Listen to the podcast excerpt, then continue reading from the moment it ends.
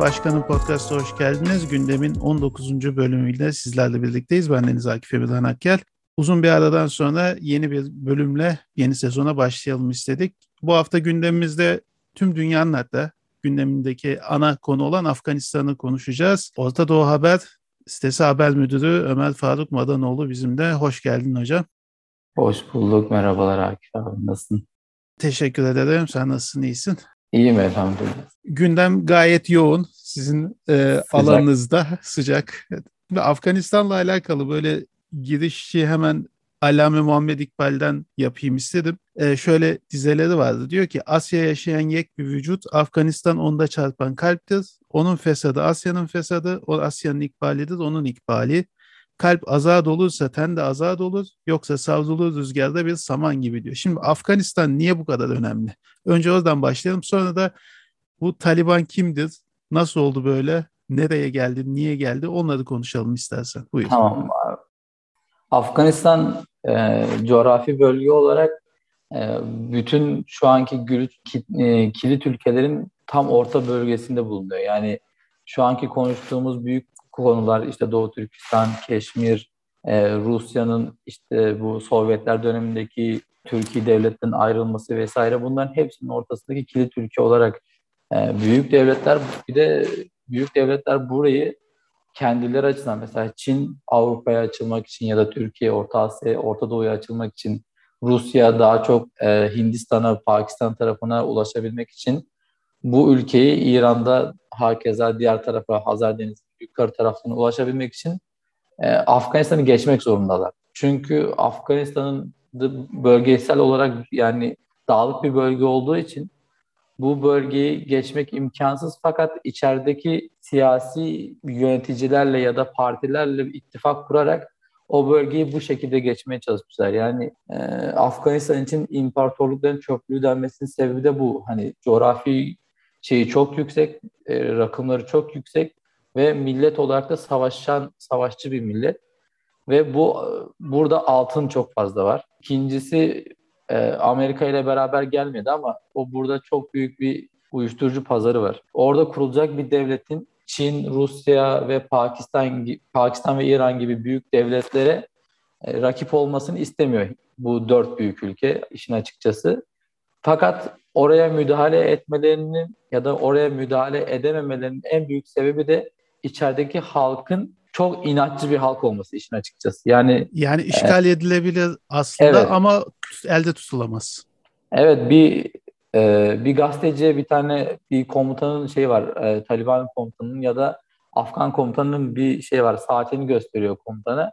Diyor ki senin saatin var bizim de zamanımız var diyor. Yani evet. biz savaşırız bizim için sorun yok diyor mesela. Yani bu beni çok etkilemişti bu söz. Yani bu söz şu anki 20 yıl savaşarak hani bir kazanım elde ettiler ve bu sözü tasdiklediler bir nevi yani. Ve işte Orta Asya'nın e, ya da bu büyük devletlerin tam ortasında olması da bu Afganistan'ın en yani kendi başına işte bir nevi bela gibi yani. o halkın evet o halkın bir türlü refah ulaşamamasının en büyük sebebi de bu. Çünkü ne güçlenmesini istiyorlar ne güçlenmemesini istiyorlar. Bir orada şeyin oyun alanı gibi oldu. Stratejik oyun alanı gibi oldu Afganistan bir yerde o Sovyetlerin dağılma döneminde bile Sovyetler Çin'le Çin'le aslında ideolojik olarak birlikte hareket etseler de Afganistan konusunda çatışmışlardır mesela. O Sino-Sovyet ayrımı sonrası evet. muhtemelen değil mi? Evet. Mao'cular ve oradaki işte Stalinciler birbirine girdi mesela. Sebebi e, Afganistan'dan eğer Çin yükselirse Rusya'nın gücünü düşürebilir. Nasıl? Doğu Türkistan tarafından Avrupa'ya açılabilir diye. E, tam o noktada zaten girecektim. Rusya'da da hani eğitim almış subaylar vesaireler evet. onlar üzerinden darbe oluyor. Bugün hani Taliban'ın oluşacağı sürece geçecek olursak hani ilk Sovyet işgaliyle birlikte başlıyor sanırım süreç. Evet. O da kısaca şöyle 24 Aralık tam olarak 24 Aralık 1979 yılında Afganistan'da sizin de dediğiniz gibi e, Rusya'da yetişen Afgan Afgan subaylar e, devrim yapıyor ve 1979'da buna karşı çıkan diğer Peştun halklar, Özbek halklar bu şeye karşı Marksist-Leninist partiye karşı bir isyan başlattılar. Ve bu tarihte işte Aralık 79'da şeyler e, bu parti Marksist Parti Sovyetler Birliği'nin ülkeye çağırıyor. Hani gelin bizi kurtarın diyor bir nevi ve Rusya'da zaten böyle bir hamle bekliyor. Çünkü Rusya girmezse Çin girecek. Şeyi o dönemki Marksistler Çin'e de aynı daveti gönderiyorlar. Rusya daha hızlı hareket ederek çok sayıda askerini e, Afganistan'a gönderiyor. Zaten şeyden de tecrübeleri vardı. Vaktiyle Çekoslovakya'da, Polonya'da evet. da aynı şeyi yapmışlardı. Evet o savaş tecrübesini direkt bu tarafa aktarıyorlar. Savaş 89'a kadar sürüyor. O dönemde zaten mücahit grubu dediğimiz yani Cemaat-i İslamiye var, Ahmet Şah Mesud'un kurduğu sonra Hikmet Yar'ın kurduğu gruplar var vesaire. Bu gruplar ortak bir karar alarak tek bir harekat merkezinden hareket ederek daha çok işte Amerika'nın, Pakistan'ın, Çin'in, Hindistan'ın e, desteğini alıyor ve şeye karşı bir zafer elde ediyorlar. 15 Şubat 1989'da Sovyet Rusyası geri çekiliyor. Oradaki e, Marksist Leninistler düşüyor ve Kuzey İttifakı daha sonra ismi Kuzey İttifakı olacak işte İslami, İslami Cemaat İslamiye'nin liderlerinden Burhanettin Rabbani de Cumhurbaşkanı oldu. Ondan sonra işte Şah Mesut Savunma Bakanı oluyor. Zaten Şah Mesud'un adının ilk duyulduğu yerler buralar. Pençil Aslanı diye bilinmesi, Pençil Vadisi'ne Rusları sokmaması. Evet hem Rusları sokmaması bir de e, o dönem cephede yani o dönemki cephede en önde savaşan liderlerden biri olması ve çok kısa sürede o yukarı taraftaki Mezar-ı Şerif ve Kandar tarafındaki e, kendi aslında e, kendi şeyleri, kendi ırkından adamları çok hızlı bir şekilde kan kanalize ediyor savaş. Normalde Marksistlerin şöyle bir düşüncesi var. E, Ahmet Şah Mesud'un ordusu ya da Ahmet Şah Mesud'un ırkı savaşmaz. E, onlar Tacikistan tarafına, Özbekistan tarafına kaçar. Biz oraları alırız. E, ve böyle böylece şeyi çeviririz. Rabbani işte Burhanettin Rabbani ya da diğer ekibi çeviririz. Böylece savaşı kazanırız diyor ama Şah Mesut orada çok kritik bir noktada. Ondan sonra zaten Şah Mesut'un diğer bağlantılarıyla beraber Şah Mesut ünleniyor. Bu bağlantıları e, derken şey Afganistan içinde mi yoksa e, yurt dışı bağlantıları mı? Yok Kastım. ilk başta Afganistan içindeki bağlantıları zaten e, savaştayken 79-89 savaşında ya Sovyet savaşındayken de Şah Mesut Hindistan'da görüşüyor. Hmm. Çünkü aynı zamanda Pakistan sos, e, bu savaşta biraz Marksistlere de destek veriyor. Bu savaşın hızlı bitmesi için. Sonra Pakistan bu şeyinden vazgeçiyor, misyondan vazgeçip mücahitlere destek veriyor. Mücahit grubuna destek veriyor. Ve 89'da tamamen Rusya'yı atıyorlar. E, yani Sovyet Rusya'nın çok ağır yenildiği 3-5 tane savaştan bir tanesi oluyor bu. Taliban'ın peki kurulması tam bu dönemde e, yok ondan sonra buna mı denk geliyor? Yok 90 89'dan 94'e kadar bir şey dönemi var. Ee, Burhanettin Rahman Cumhurbaşkanı oldu, Şah Mesut Savunma Bakanı oldu ve o diğer savaş ağlarının koalisyon kurduğu bir dönem var. Fakat şöyle bir sıkıntı var orada da e, bu savaş ağları savaşı kazandıktan sonra içeride tam bir yönetim kuramıyorlar. Tam bir merkezi yönetim kuramıyorlar. Çünkü ülkenin yapısı daha çok kavmiyetçi bir yapı olduğu için herkes kendi kavminin liderine aslında biat etmiş oluyor. Mesela Şah Mesut dedik Tacik değil mi? Tacik evet. Mesela işte daha sonra Raşit Dostum çıkacak Özbek mesela. Ondan sonra bu kuzeyden gelen diğer el, şeyler var. Diğer savaşçılar var. Bu savaşçılar da işte biz Peştunuz diyorlar. İşte Burhanettin'in şeyini tanımıyorlar vesaire. İçeride bir kaos dönemi oluşuyor. Peştunlar ama çoğunlukta değil mi o zaman da? Evet. Peştunlar çoğunlukta. Hazaralar mesela İran şey... Hazaraları destekliyor. Ve buradan bir tane bir lider çıkartmaya çalışıyorlar. Olmuyor. Ondan sonra Necip şeye katılıyorlar bunlar. Şah Mesud'a katılıyor vesaire. Bildiğin kaos dönemi oluşuyor ve bu şey yolsuzluğa falan yolsuzluğa vesaire gidiyor. Hani artık herkes bildiğin savaş ağları herkes kendi işte me- mesela Raşit Dostum mesela Mezarı Şerifi vesaire kendi alt- şeyini alıyor, egemenliği altına alıyor. E diyor ki burada artık benim hükmüm geçiyor ki benim kanunlarım var. E, infazlar, rüşvetler gırla gidiyor. Ve işte tam işte bu sırada Kandahar'da kurulan bir yapı. Aslında Kandahar'da e, Taliban ya işte Molla Ömer ve yanındakiler işte Abdülgane Birader, Heybetullah Akgürünzade, işte Siracettin Hakkani vesaire bir öğrenci bunlar. Bu şeyi gördüklerinde diyorlar ki ya biz bunu değiştirmemiz gerekiyor. Yani bunlar Kandahar'ın Meyvent bölgesinde bir medresede eğitim gören şeyler, e, talebeler aslında bunlar. Bunu değiştirmeye başlarken de ilk başladığında Molla Ömer ortaya çıkıyor 94'te ve Peştun olduğu için kendisi işte yine bu kavmiyetçi yapısından dolayı bütün Peştunlar bu sefer Molla Ömer'in peşine gidiyor. Yani gelenekçi bir yapıya sahip Af- Afgan toplumu ve bu Sovyet Savaşı'nda da zaten e, Molla Ömer vesaire savaşıyor. Fakat böyle bir örgüt kurmuyorlar ya da böyle bir yapı kurmuyorlar. Sadece medrese öğrencisi olarak savaşıyorlar ve geri çekiliyorlar. İşte bu rüşvetten vesaireden artık çok fazla şey vurunca yani çok fazla olunca bir anda e, bunlar diyor ki ya yeter artık. Hani işin tabiri caizse yeter artık. Bizim işte kuruluş felsefesi olarak zaten Molla Ömer diyor işte İslami bir yönetim getireceğiz vesaire diye. Ve bir anda Sovyet Savaşı akabinde patlak veren iç savaş sırasında 20 bin tane Peştun'u peşine takarak ta Kabil'e kadar gidiyor iki sene içerisinde. 94'te kurulup 96'da mı iktidarı evet, ele aldı? 96'da iktidarı ele alıyor. Çok aslında çok müthiş bir şey bu. Yani şu ankine benzer bir şey. Yani iki sene içerisinde o bütün Marksistlerin ya işte Şah Mesud'un vesaire kuramadığı bir şeyi iletişim ağını kurarak bir anda ta Kabil'e kadar gidiyor. Ve ülkenin %90'ını ele alıyor o dönem. Peki bunu sağlayan hani sence nedir? Bu Diyobendi medreselerinin e, çok evet. yetiştirdiği ağ mı yoksa başka bir sebep mi? Benim anladığım hem Diyobend medreselerinde yetişenlerin disiplini çok önemli. Hem de bunların savaş motivasyonları diğerlerininki gibi e, daha çok mal üzerine değil de daha çok din üzerine bir hmm. şey kuruyor Molla Ömer. Hani bu yaptığımız şey bizim aslında mala tamah etmemiz değil de dini kurtarmamız diye beyanatı var mesela Molla Ömer'in. İşte biz şu bu şu an cihad ediyoruz diyor mesela. Anladım. İşte mesela Özbeklere ya da diğer gruplara baktığımızda daha çok Özbekler kendi kavmi için savaşıyor ya da Tacikler ya da Kuzey İttifakı kendi bölgelerindeki derebeyliklerindeki hakimiyetler düşmesin diye savaşıyor.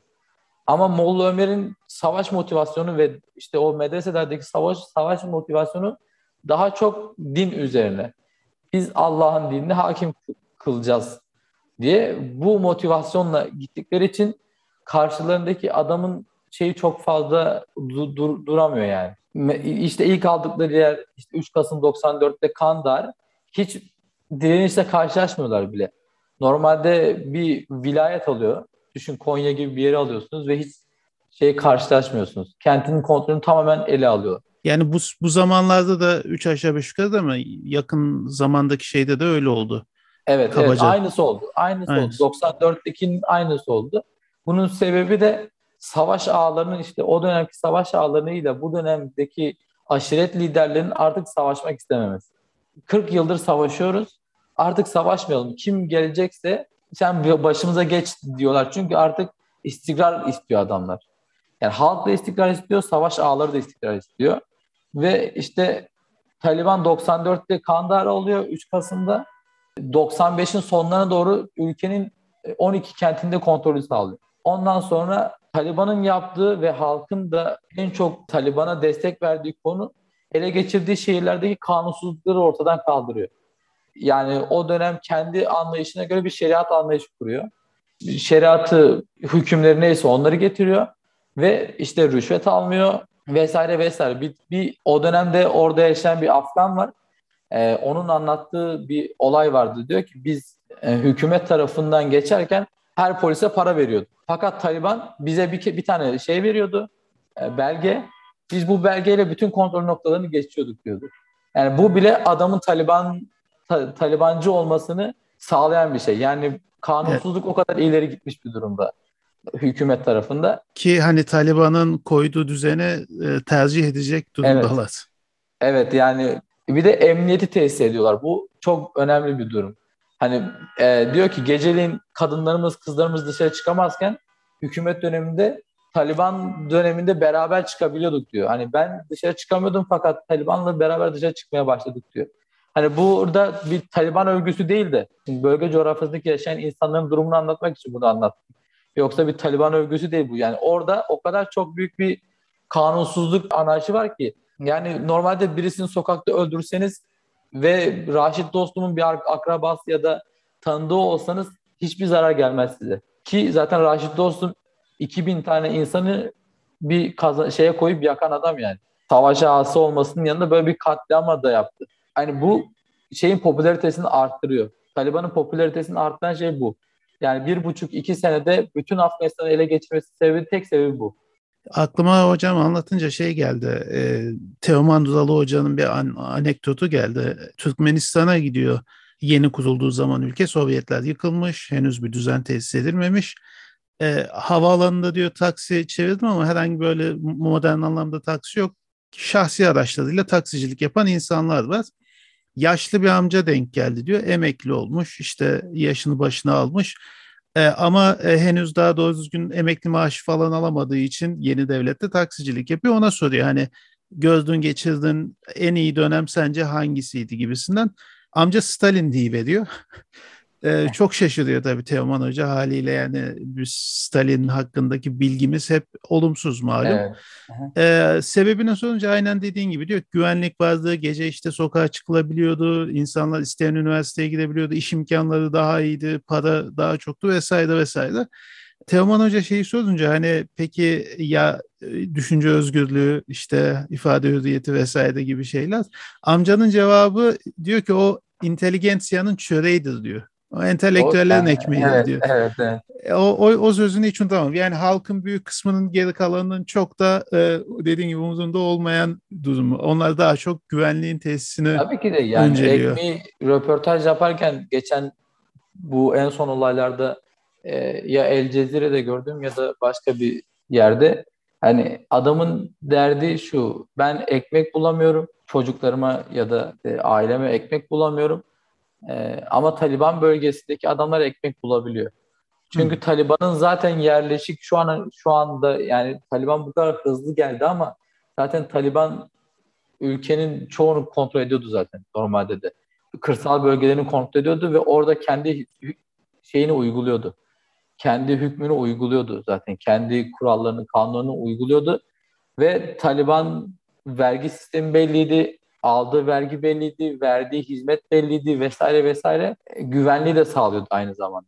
Sizin dediğiniz gibi bu temel yaşamsal şeyler olmadıktan sonra diğerleri aslında çok da önemli değil bir oradaki insanlar için. Hani Türkiye'den ya da Batı'dan baktığımızda çok şey bakıyoruz, idealist bakıyoruz. İşte e, şu ne olacak, bu ne olacak falan. Adamın ilk derdi şey ekmeğim yok ekmek bir yiyeyim yani bir karnım acıkayım ondan sonra meyve başlarım diyor yani aslında insanlar bir yerde de orada. Hani Taliban'ın şu anda birçok şehre hiç silah atmadan, kurşun atmadan girmesinin tek sebebi bu. Taliban geldiğinde biz bunu 96'da gördük 2001'e kadar.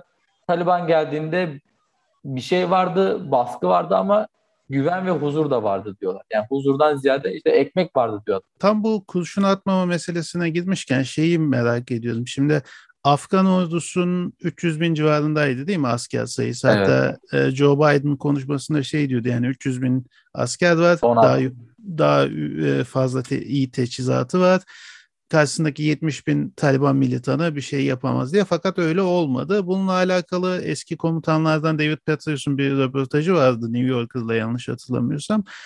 O diyordu ki hani hava kuvvetleri desteğini biz çektik. E, dolayısıyla hani e, hem hava kuvvetiyle destek veriyorduk Taliban operasyonlarında hem daha sonra işte Sıhhiye gidebiliyordu, yaralıları alabiliyordu. Fakat şimdi oradaki askerler şey düşünüyorlar yani bizi kimse e, yardım etmeyecek, bırakacaklardı. Yani. Peki bu savaşmama durumunda mesela bu veya benzeri başka etkiler de e, dile getirilebilir mi? Yahut sen ne görüyorsun bu konuda? Kabil hükümetinin askerlerin savaşmamasının en büyük sebebini yine aynı 94'teki motivasyona bağlıyorum. Herkes kendi bölgesini korumaya çalıştı o dönemde de. Şimdi de aynısını yaptı. Mesela Raşid Dostum taraftarları hiçbir zaman işte Mezar-ı Şerif'ten ya da işte Pençir civarından, Kuzey İttifak Pençir civarından çıkıp da Kabil tarafında bir asker göndermedi mesela. Hmm. Bir yerleşik ordu var. Fakat bu yerleşik ordunun şöyle bir problemi var. Biz kime hizmet edeceğiz? Çok fazla dağınık yapıdalar ve karşılarındaki grup yani Taliban tek bir kişi tarafından yönetiliyor askeri olarak. Molla Yakup tarafından yönetiliyor. İşte e, Molla Ömer'in oğlu tarafından yönetiliyor ve bütün şeyleriyle yönetiliyor. İstihbarat servisleri var, e, kendi askeri teçhizatları var, birimleri var vesaire vesaire bildiğim bir devlet şeklinde savaşıyor Taliban aslında. E, bunu yaparken de üçüncü bir o şeye e, e, bağımlı kalmadan yani yapıyor anladığım kadarıyla. Yani mesela Afgan evet. ordusu Amerika'ya bağımlı. Evet bir de öyle bir durum var. Mesela Afgan ordusunun en büyük sıkıntısı da o işte Amerikalılar gelmeden savaşmayız durumu. Biz ne Amerika ya da NATO mesela öncülük etmeden savaşmayız. Bir röportaj var. Afgan ordusuyla röp röportaj yapıyor. Afgan ordusundaki adam diyor ki ya teçhizatımız eksik. İşte Taliban gelse e, şu an elimizde sadece işte şeyler var, doçkalar var vesaire falan. Aynısını Taliban'la yapıyorlar. Euronews'te görmüştüm herhalde. E, aynısını Taliban'da yapıyorlar. Taliban'daki adamın elinde de keleş var. Adam diyor ki benim amacım şehit olmak zaten. Yani ben bu ülkeyi toprağını kazanmak için buradayım.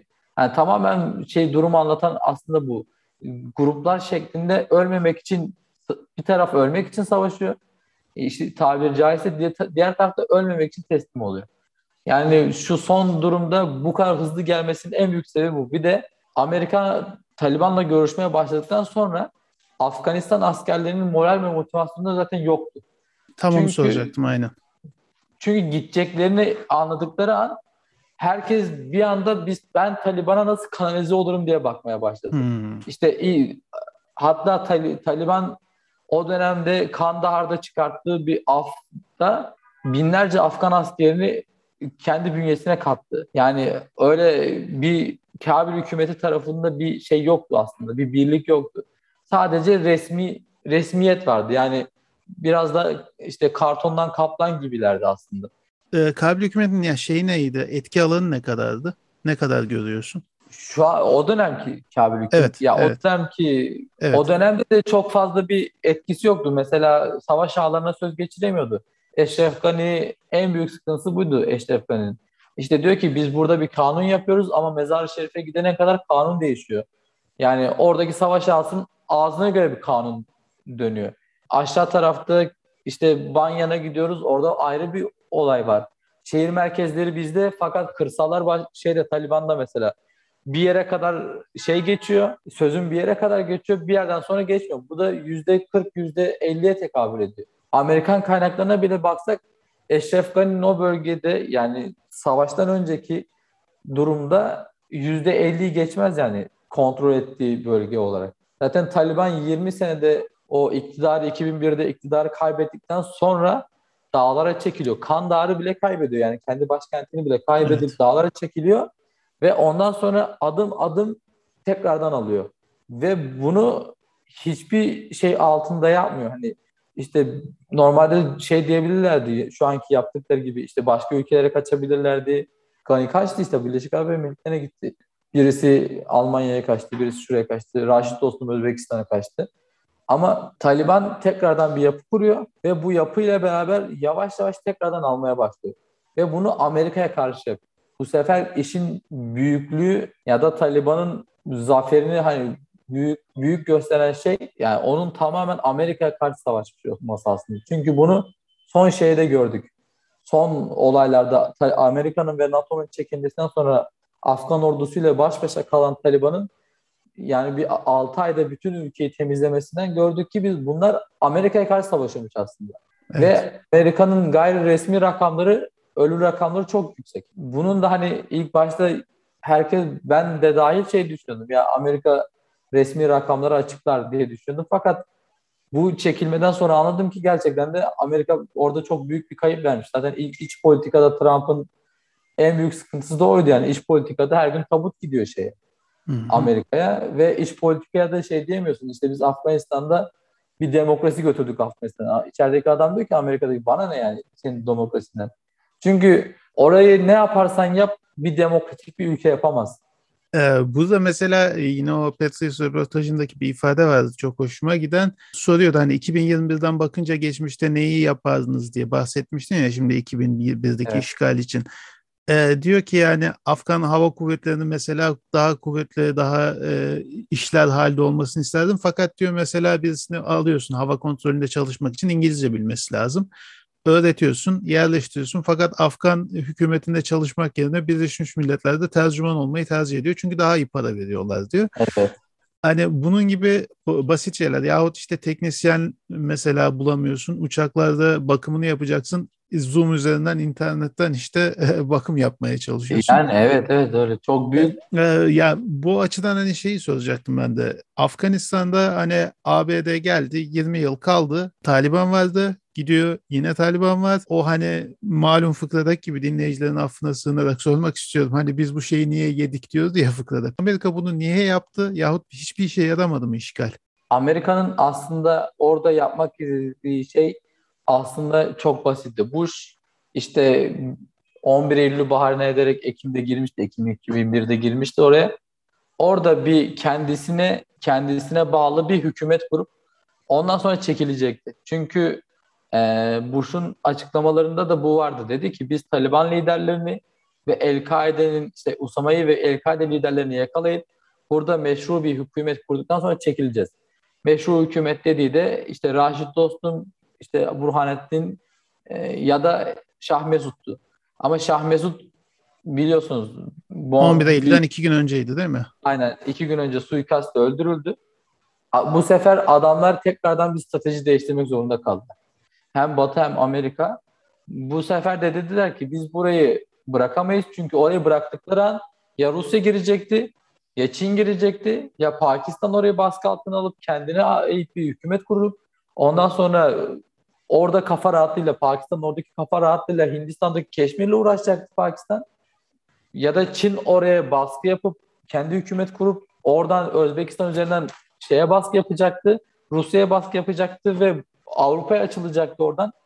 Yani orayı Amerika boş bırakamazdı. Çünkü bu stratejik konumundan dolayı bir nevi. Amerika'da dedi ki ben bunu tek başıma yiyemem bu herzeyi. Dedi ki gelin hep beraber yiyelim dedi. NATO'ya ve NATO da kabul etti. Ondan sonra zaten NATO'nun da aslında oradaki tek şeyi oradaki milletleri tek bir çatı altında toplayabilir miyiz sorusuydu. Hani bu milletleri eritebilir miyiz bir potada? Ki 20 senede görüldü ki eritemediler.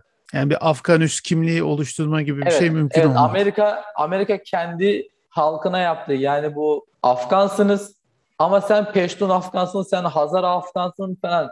Adam dedi ki hayır ben Afgan değilim, ben Peştun'um. Çünkü orada zaten yüzyıllardır bu ağlar ya da bu aşiretler yönetiyor ülkeyi. Sen bunu işte bir Amerika'daki ya da bir Batı'daki gibi çok basit bir şekilde yapamazsın. Zaten tutmadı ama yani çünkü bu millet inatçı yani abi bunun başka bir şeyi yok. Yani adam hayır derse hayırdır yani. Zaten Obama geldiğinde Taliban'la mesela şey görüşmeleri var. Taliban'la görüşme yapıyorlar. Sipahati görüşme yapıyorlar.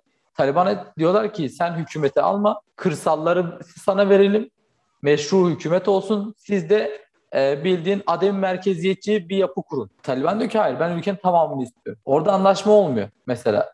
Hmm. Hani Taliban'ın ilk baştaki tavrıyla en sondaki tavrı arasında hiçbir fark şey yok, değişken yok. Taliban yine aynı Taliban. Taliban o dönem 96'da 2001'de hükümetten düştüğünden sonraki planıyla şu anki planı aynı. Yani o planı sürdürmeseydi zaten Taliban olmazdı zaten. İşte mesela Şah Mesut neden, neden çok fazla muvaffak olamıyordu? Çünkü çok fazla istihbaratla görüşüyordu. Mesela kardeşi Veli var, batıda yaşayan. Onun üzerinden İngilizlerle, BM ile görüşüyor. Oradan para alıyor. Hindistan'la görüşüyor. İran'la görüşüyor. Çin'le görüşüyor. Ve kendisine ait bir karar mekanizması yok. E, kendi halkı orada baskın bir halk değil.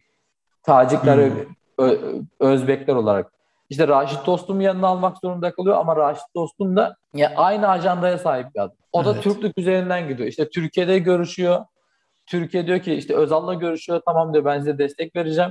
Özal par- gönderdiği parayı Raşit Dostum saray yapmaya harcıyor mesela. Hani silah almak ya da tıbbi teçhizat almak yerine saray yaptırtıyor. Hani geçen gün oturup piyano çaldıkları, Taliban'ın piyano çaldığı sarayı Özal'ın paralarıyla yaptırdılar mı?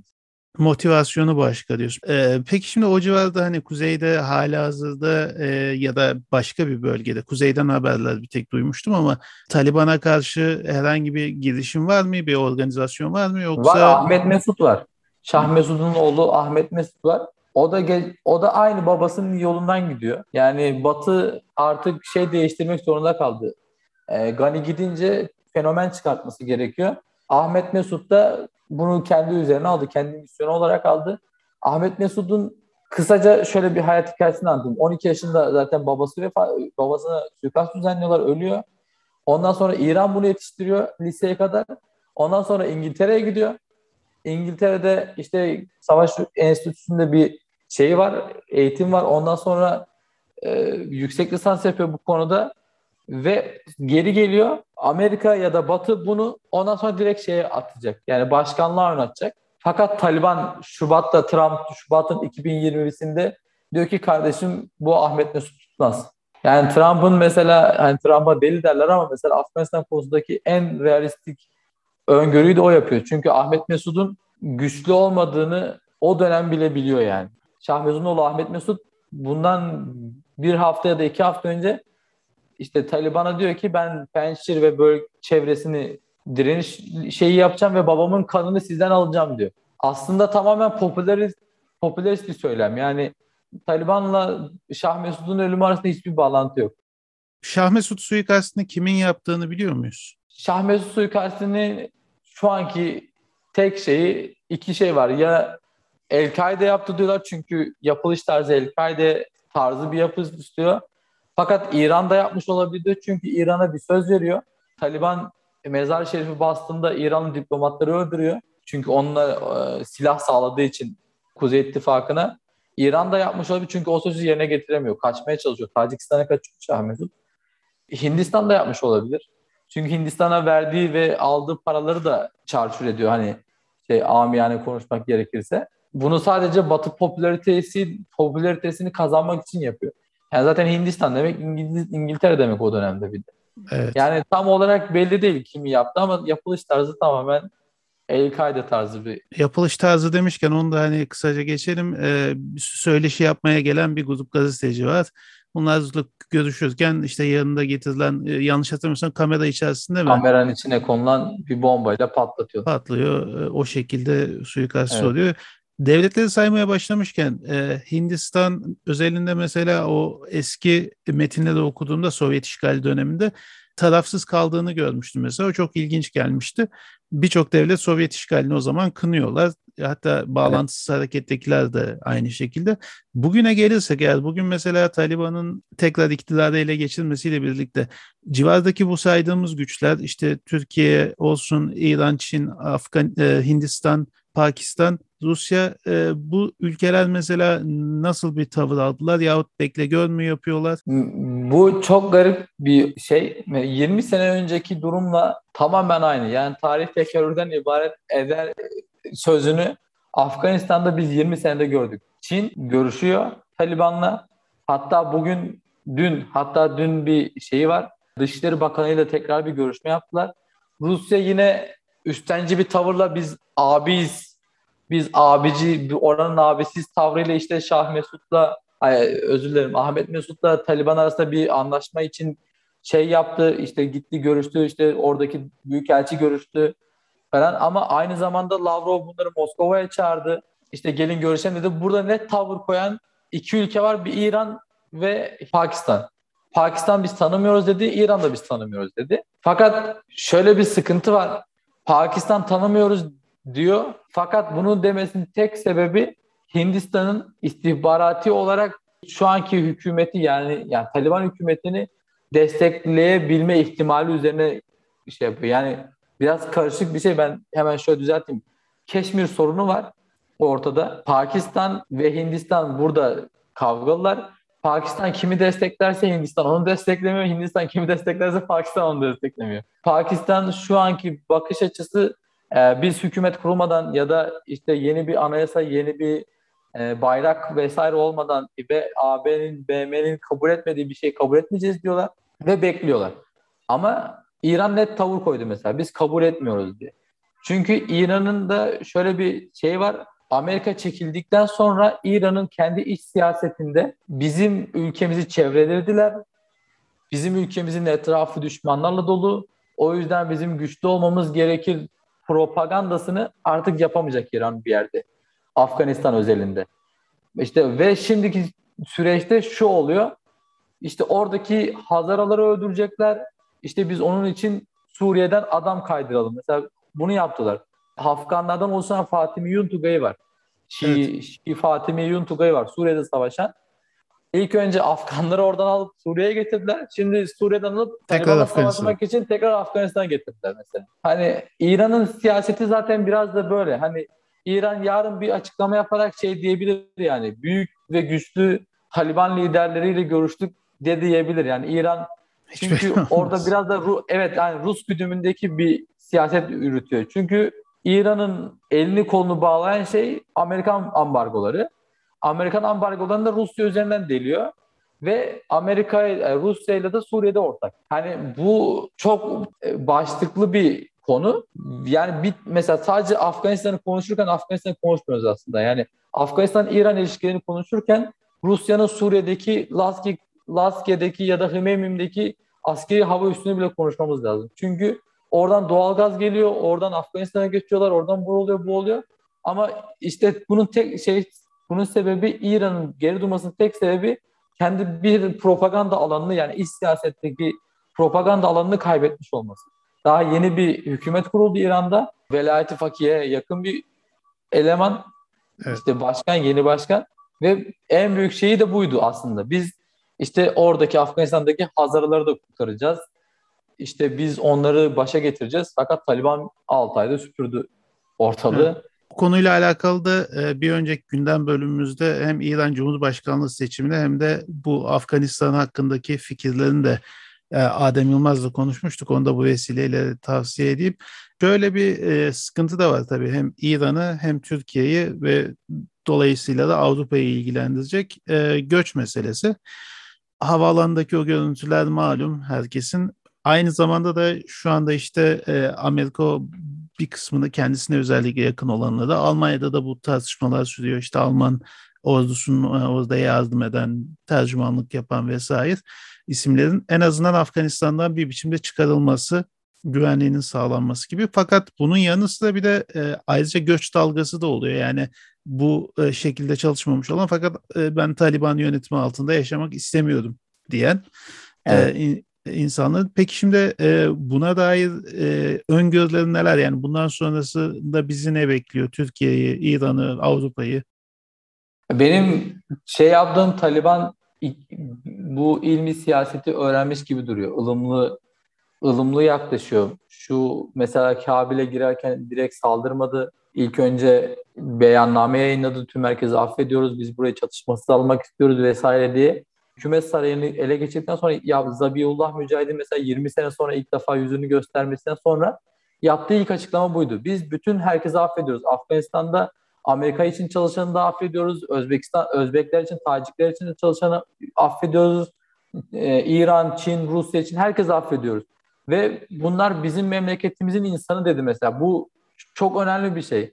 Normalde herkesin beklediğin ve bütün Batı medyasının da şok olduğu şey buydu aslında hani Batı medyası tabiriyle elleri hazır bekliyordu işte breaking news. İşte Taliban şu kadar adam öldürdü, Taliban bu kadar adam öldürdü diye manşetler bekliyordu fakat Taliban hiçbir şey dokunmadı. Hatta dedi ki kadın doktorlar ve hemşirelere ihtiyacımız var. Onlar gelip şeye başlasınlar. E, işleri kaldıkları yerde devam etsinler, işleri başlasınlar dedi. İşte öğretmenler, kamu görevlileri işlerine devam etsinler. Biz bu işleyişi kırmak istemiyoruz. Biz yeni hükümeti kurduktan sonra buradaki düzenlemi yapacağız. Fakat biz artık eski Taliban değiliz dedi aslında Taliban bir yerde.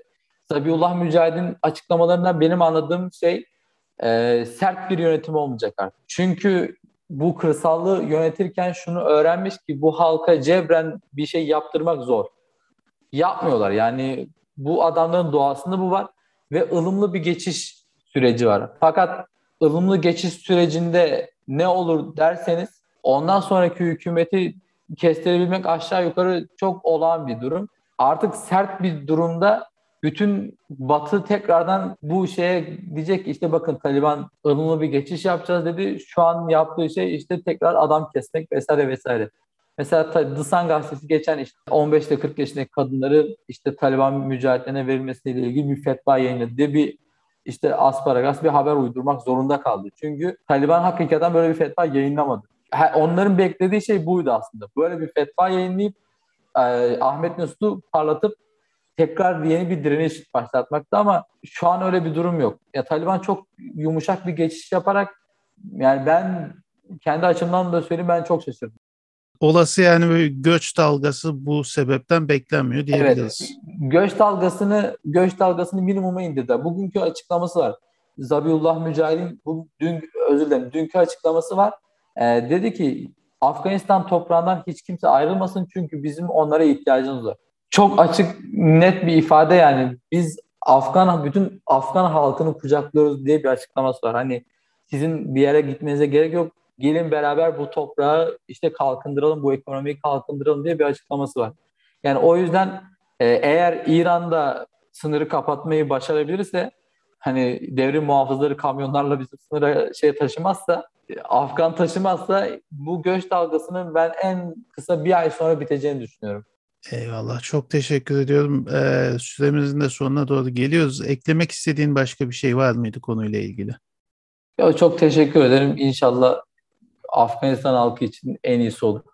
Yani çünkü gerçekten 40 sene değil, yani 50 sene değil belki 100-150 senedir savaş yüzü gören ve oraya gittiğinizde 20 sene ön geçmişe gittiğini düşün düşündürten bir coğrafya yani. İnşallah muasır medeniyetler denilen bir seviye varsa oraya çıkmaya şey yaparlar inşallah.